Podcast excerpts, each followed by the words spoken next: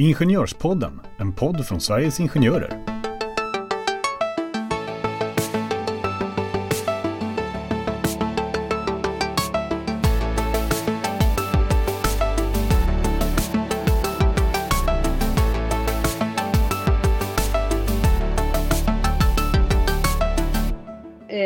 Visselblåsarlagen är en lag från 2017 men ett EU-direktiv om visselblåsare som kom 2019 gjorde att regeringen var tvungen att tillsätta en utredning för att se hur vi i Sverige skulle genomföra det här EU-direktivet som ger ett mer långtgående skydd för visselblåsare än nuvarande lag.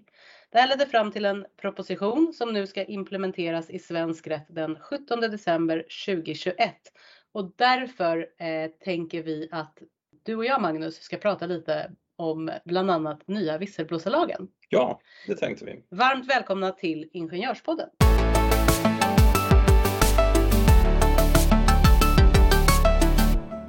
Men Jenny, då tänker man ju så här, vad är egentligen en visselblåsare? Ja, en visselblåsare, om vi börjar med en definition så har jag faktiskt tittat i Svenska Akademins ordlista, tycker jag är ett mycket bra ställe att börja på. Och där är en visselblåsare en person som slår larm om oegentligheter, ofta på sin egen arbetsplats. Och eh, själva begreppet visselblåsare eller whistleblower som det heter på engelska, det kommer då faktiskt från engelska poliser som för att påkalla kollegors och allmänhetens uppmärksamhet så blåste de i eh, visselpipor.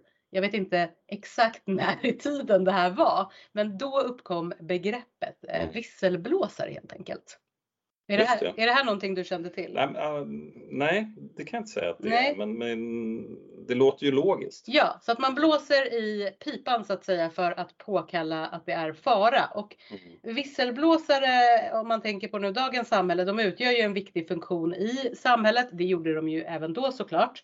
Det ligger i allmänhetens intresse att missförhållanden i organisationer eller inom myndigheter ska upptäckas. Mm. Man kan ju visselblåsa om eh, massa olika eh, saker, områden. Vanliga områden som man tänker på är väl penningtvätt, korruption eller Mm. eh, miljöbrott eller liknande. Mm. Vi har för att, för att jag ska göra det lite klarare för er som inte exakt eh, vet vad visselblåsare är eller det begreppet så eh, fanns det ju ett uppmärksammat eh, fall nu här i Sverige under pandemin som handlar om en visselblåsare på Arbetsmiljöverket. Och ehm, för er som är extra intresserade av just den här historien så var hon ju med på Uppdrag granskning. Jag tror till och med att det var två avsnitt som gjordes om det här. Och det var så att under pandemin då fattade Arbetsmiljöverket och då den här visselblåsaren eh, Jenny som hon hette, hon fattade beslut om att personalen på ett äldreboende, de måste ha under sitt visir även munskydd vid allt arbete som hade med eh, covid att göra. Och eh, det här var ju en skärpning av det som man då hade på äldreboenden, det vill säga bara visir. Det här beslutet om munskydd då som hon hade rekommenderat, det blev lite uppståndelse kring det och redan en dag eller någon dag efter Ehm, det här beslutet så ändrade faktiskt Arbetsmiljöverket det här. De tog tillbaka beslutet och yttrandet som de hade från en sakkunnig läkare tog de också tillbaka. Och det menade Jenny då, den här visselblåsaren, hade att göra med att det var påtryckningar från bland annat eh, SKR och hon visselblåste. Och det här beslutet som hon hade fattat hade ju kunnat bli jättestort och bli vägledande för hela eh, äldreomsorgen. Ja, det här var ett exempel som, eh, eh, om visselblåsning. Ett annat exempel som också hände väldigt nyligen eh, i USA faktiskt, det var visselblåsaren Frances Haugen. Hon visselblåste angående Facebook. Hon hade nämligen jobbat på Facebook i två års tid och under de här två åren så hade hon samlat massor av dokument. Tiotusentals dokument faktiskt Mm. hade hon samlat på sig. Eh, och hon visselblåste för att hon larmade om att företaget hade bidragit till att sprida hat och desinformation på deras plattformar. Och eh, det är på grund av att Facebook eh, fungerar så att eh, de har algoritmer och de här algoritmerna gör att inlägg som skapar eh, starkt engagemang och starka reaktioner, de hamnar överst på sidorna. Och eh, det betyder ju att man trycker mer på dem. Och det här vet, eh, känner Facebook till då enligt deras egen forskning att sådana här innehåll är ofta hatiskt och polariserande och det väcker ilska. Och ändå så har de inte ändrat de här algoritmerna eh, på grund av, menar då den här visselblåsaren Haugen, att om man ändrar på algoritmerna då kommer ju färre att klicka på de här annonserna. Och då kommer bolagen tjäna mindre. Så att hon har visselblåst och det här är ju en jättestor sak i USA nu och det här är ju, det är lite ny typ av visselblåsning kan man ju säga. Mm. Om man jämför med att man visselblåser om liksom avlyssning eller korruption. Så. Precis. Men eh, det är exempel på visselblåsning. Mm. Ja, så det är ju några exempel på visselblåsning. Men eh, för nu, nu är vi ut, inte ute och cyklar, men vi pratar om många olika aspekter. Alltså, Mm. Vi vill ju prata om nya visselblåsarlagen, men visselblåsning. Jag berättade ju i början här att det kommer ju liksom, det är ju ett, Mm. ett gammalt begrepp. Det är ju också så att eh, det kan vara, det här begreppet med visselblåsare, det är ju ingenting som är helt nytt och även så i eh, svensk rätt. Det finns ju skydd Mm. redan eh, för visselblåsning, eller hur? Nej men alltså absolut och, och jag tänker väl så här att man kan ju inte prata riktigt om, om visselblåsning utan att prata om, om eh, yttrandefriheten. Ja, Eh, för att det är ju någonstans eh, det man gör, man utnyttjar sin yttrandefrihet. Och då är det ju på det sättet att, att i Sverige så har vi ju sedan väldigt många hundra år tillbaka en grundlagsskyddad yttrandefrihet. Eh, och det har vi ju just av de skäl som, som du var lite inne på igen. mm, Det vill säga att man, man, man vill i demokratins intresse ha fri åsiktsbildning, man vill gynna fri nyhetsförmedling eh, och en allmän debatt som Mm. liksom ska leda till ett, ett sunt och Mm. bra samhälle Mm. att leva i. Eh, men, men då måste man ju också vara medveten om att yttrandefriheten den gäller mellan det allmänna, det vill säga staten, mm, och oss enskilda individer.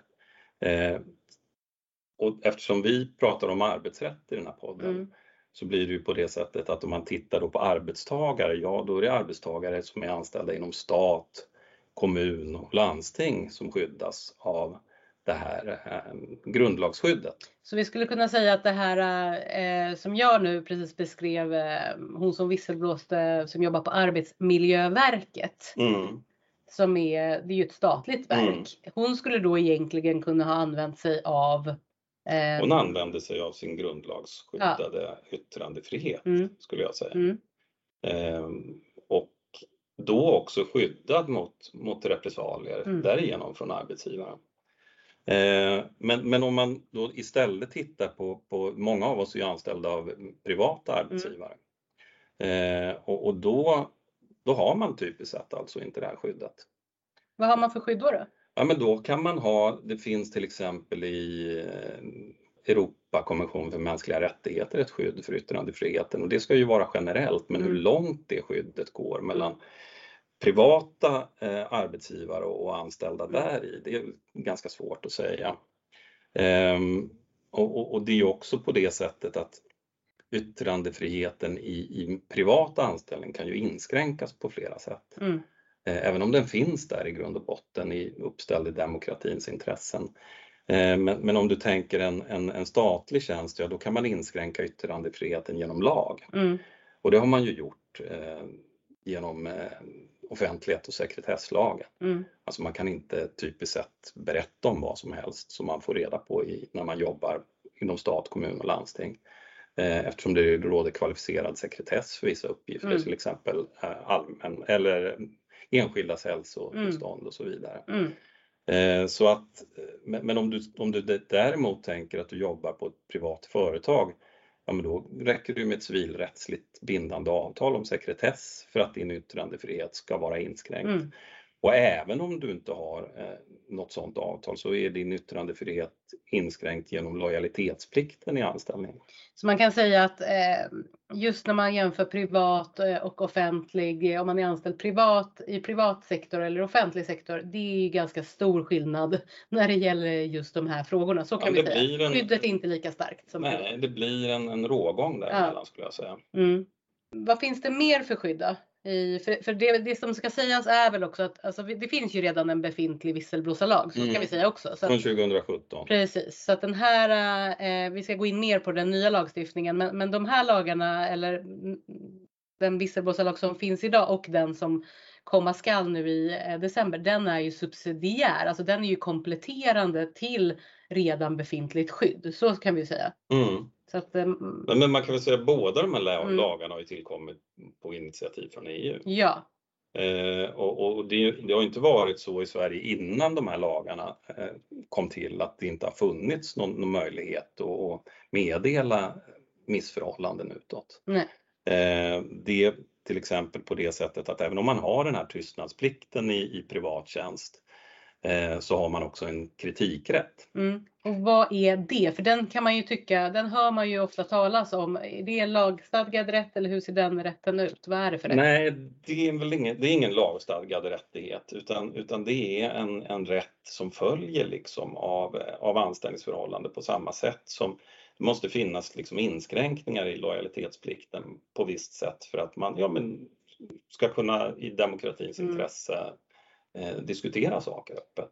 Innan, innan vi går vidare på kritik med kritikrätten, ska vi inte bara väldigt kort, vi har ju nämnt det flera gånger i den här podden, och, men den är så pass viktig, bara jättekort, vad är lojalitetsplikten? Ja, men lojalitetsplikten brukar man ju sammanfatta bara på det sättet att man som arbetstagare har ett, eh, en skyldighet att Mm. inte skada sin arbetsgivare. Mm, Man får inte vidta åtgärder som skadar arbetsgivaren.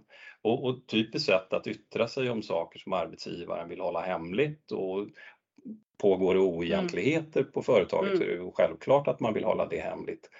Det är ju ett brott mot lojalitetsplikten. precis, det blir lite motsats. eh, Ja, så det blir liksom en, en, gränsdragning här. Mm. Lojalitetsplikten å ena sidan och rätten till yttrandefrihet i demokratins intresse å andra sidan.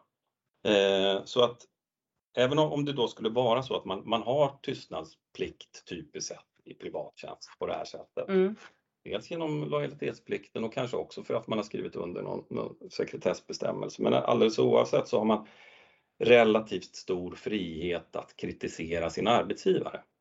Men det finns begränsningar i Mm. den här kritikrätten. Och eh, det beror lite på vad man har för ställning Mm. i företaget. Hur kritisk man kan vara mot sin arbetsgivare. Så om man har en lägre, en lägre ställning, då får man vara mer kritisk? Ja, Mm. om du har en förtroendeställning Mm. så kanske du måste vara mer försiktig eh, än om du arbetar på golvet. Vilket egentligen inte tycker jag är helt logiskt, för att om du har en förtroendeställning så kan du också sitta inne på mycket mera information som Ja. kan göra att du kan kritisera arbetsgivaren. Mm. Och om du skulle vara till exempel fackligt aktiv, Mm. då har du en ännu större frihet Mm. kanske, eh, än, än vad du annars skulle ha haft. Mm. Sen brukar kritikrätten är också på, på det sättet man har sett på det tidigare att ja, men typiskt sett så bör man väl alltid försöka åstadkomma förändringar genom att ta upp eventuella missförhållanden med arbetsgivaren först. Mm. Eh, och om man inte gör det utan går direkt ut till media eh, eller i offentlighet på annat sätt Mm. Eh, så finns det, det anses inte lika mm, påkallat Nej. helt enkelt som att, om man först har tagit upp det med arbetsgivaren internt. Så att det är en del av det- av det här skyddet som ändå har funnits Mm. innan visselblåsarlagstiftningarna Mm. kommit till stånd i Sverige. Och det finns ju en omfattande praxis i Arbetsdomstolen i, i Mm. de här situationerna. Angående kritikrätt? Ja, men det finns ju ingen praxis angående visselblåsarlagen. Nej. Så, så kan man väl säga liksom som en, eh, ja, men som en sammanfattning väldigt kort Mm. på hur, hur eh, det här skyddet Finns det, har du något exempel på när eh, en person har eh, ja, använt sig av yttrandefriheten eller nå kritikrätten? Ja, men yttrandefriheten finns ju exempel på i adelspraxis. Det finns ju det här ganska kända eh, målet om polismannen under pseudonym Farbror Blå. Mm. Eh, och, och det här handlade ju då om en polis som på sin fritid bloggade om eh, polisarbete i vid Mm. mening under pseudonymen Farbror Blå. Eh, och, och innehållet på den här bloggen det var ja, påhittade skrönor eh, och, och som beskrev väl polisen kanske inte i, i särskilt smickrande ordalag. Nej. Ehm, och, och den här bloggen fick ganska stor uppmärksamhet i media eh, och polisen tyckte ju inte att det här var roligt. Nej. Eh, och, och den här polismannen, farbror Blå, tyckte inte heller att det var så roligt. Han stängde faktiskt ner bloggen eh, i samband med att hans identitet blev känd. Mm. Ehm, och, och då tyckte Polismyndigheten som då i egenskap av arbetsgivare att nej men det här agerandet att blogga på det här sättet och hitta på massa konstiga saker om polisarbete som de inte alls tyckte stämde överens med den värdegrund som de stod för. Det skadade allmänhetens förtroende för, för Polismyndigheten och eh, då blev han avskedad helt Mm. enkelt. Eh, och det där prövades sen i, i Arbetsdomstolen och Arbetsdomstolen konstaterade att nej men det här är, han har utnyttjat sin grundlagsskyddade yttrandefrihet eh, och eh, han har inte haft någon särskilt förtroendeställning eller så Mm. utan dessutom är det fiktiva uppdiktade historier Mm. och, och det här det får man helt enkelt tåla som offentlig arbetsgivare. Det där kan man ju tycka är, var en väldigt bra pseudonym, det måste man ju ge honom i alla fall. Men, men man kan ju ändå tycka att det är ju, eh, ligger ju någonstans i arbetsgivarens intresse såklart eh, att man verkligen vill, man vill skydda sin verksamhet även om den är offentlig. Men då Mm. är ju liksom gränsen här att ja, han gjorde det ju på fritiden men det var Absolut på ändå, fritiden, Mm. men man skulle ju kunna tänka sig Hade det varit skillnad om han hade gjort det i tjänsten? hade han, ja, alltså som Han på lägger, arbetstid. han lägger ut, eh, alltså han skriver om farbror Blå på intranätet. Ja, Jag, jag tror inte han hade fått utrymme på intranätet Nej. för att göra det, men, men, men det hade väl varit kanske mer spännande fråga. Ja. Är, vad hade Precis, vad hänt hade hänt om då? han hade arbetat i privat Mm. tjänst? Ja, det, hade, det är ju min nästa fråga. Blir det Mm. någon skillnad eh, om det hade varit eh, ett säkerhetsbolag? Ja, men ett eh, där hade beskrivit på det här sättet i ganska kränkande Ja. ordalag hur man hanterade Mm. sina säkerhetsuppdrag Mm. och, och hur man såg på kvinnor och så vidare. Mm, eh, inom företaget, ja men då hade det säkert kunnat få en helt annan utgång. mm, Och det är väl också eh, lite pudens kärna här. Mm. Kanske är det så att visselblåsarlagstiftningen, i, i alla fall i Sverige, inte typiskt sett har tillkommit för att skydda offentliganställda utan privatanställda. mm. Precis, för att eh, den nya lagen gäller ju eh, både privatanställda och eh, offentliganställda. Mm. Och det är precis som du säger att det här eh, direktivet är ju ett EU-direktiv om ett mer långtgående skydd för visselblåsare och ser man till hela Europa så ser inte eh, skyddet ut så som det gör i Sverige. Eh, Och som vi alla vet så ska ju det vara lika i Mm. Europa så att det är därför vi, eh, svenska regeringen har tittat och utrett den här frågan för att se hur man kan helt enkelt eh, implementera det i svensk lag. Mm. Och eh, jag tänkte att vi ska gå in på lite skillnaderna. Ja, vad är egentligen, vad är de stora förändringarna med den nya lagen då Jenny? Jag kan säga så här att som jag uppfattar den tidigare lagen Ja. från 2017 så kodifierade den i princip alltså den lagfäste egentligen det som vi i Sverige hade eh, Mm. upp, egentligen uppfattade rättsläget på det Ja. sättet redan innan. Eh, det var egentligen ingen skillnad men vi fick en lag som innebar att eh, ja, men det var tydligare kanske. Vad- Precis och framförallt så var det ju en skyddsreglering mot den lagen som kom 2017 var ju ett skydd mot repressalier. Mm. Det är ju det som den lagen var och det kanske vi ska, vi kanske egentligen ska börja där vad repressalier är för det var ju det eh, den lagen skyddar, eller det är ju den nuvarande lagen för vi är inte inne i december än. Mm. Så det är ju en lag som skyddar eh, arbetstagare mot repressalier Mm. när man visselblåser. Och vad skulle du säga är, är liksom Men en repressalie kan vara i princip vad som helst. Mm. Många gånger så tänker man väl på eh, att man blir skild från tjänsten. Ja, det det kan ju vara, kan ju vara att man blir omplacerad. Det tror jag kan vara Det ganska vanlig repressalie för att göra det obekvämt för den personen som, som ett straff. Mm. Liksom. Ja men precis, eller det kan vara att man får löneavdrag eller Mm. ja, Trakasserad. egentligen vad som helst sätt. som väcker Mm. obehag Mm. för mig Mm. eh, som, som sker på grund Mm. av att jag har eh, i det här fallet då visselblåst. Ja, nej, men alltså ehm, som vi sa då, det, den lagen som finns nu är ju en skyddsreglering mot repressalier och det som är den stora skillnaden med den här nya lagen som nu eh, ska implementeras 17 december 2021 är ju att man ska då införa inrapporteringskanaler där man faktiskt både interna och externa där man kan välja eh, om man vill gå internt eller externt och Mm. då rapportera eh, de här missförhållandena. Och det som skiljer sig då från nuvarande lag är att det finns ingen reglering om hur de här eh, rapporteringarna ska gå till. Mm. Och det här är ju ganska detaljerat i den nya lagen. Dessutom är det så att eh, i nuvarande lag så ska man gå först internt och rapportera, alltså Mm. inom företaget för att sen vända sig till exempelvis en myndighet. Precis som praxis har varit. Ja men precis, exakt.